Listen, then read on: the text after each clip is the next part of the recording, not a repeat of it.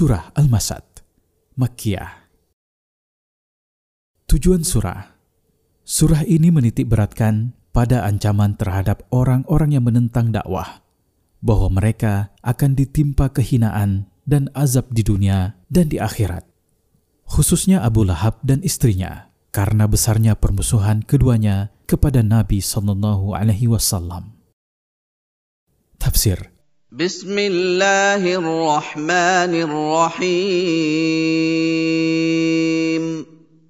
تبت يدا ابي لهب وتب telah merugi kedua tangan Abu Lahab bin Abdul Muthalib dengan kerugian amal perbuatannya karena dia menyakiti Nabi Sallallahu Alaihi Wasallam dan sia-sialah usahanya.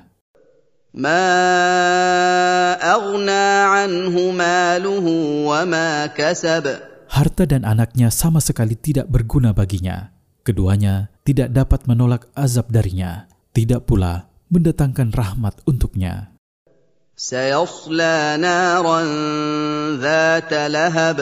Pada hari kiamat, dia akan masuk ke dalam api yang menyala-nyala.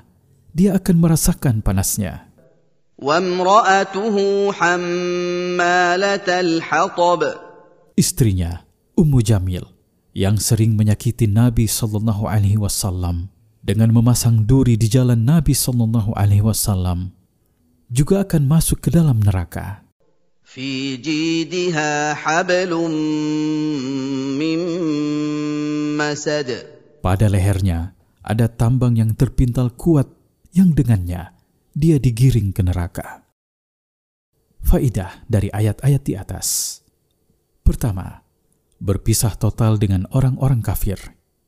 Kedua, menyambut nikmat dengan syukur. Ketiga, celakanya Abu Lahab dan istrinya.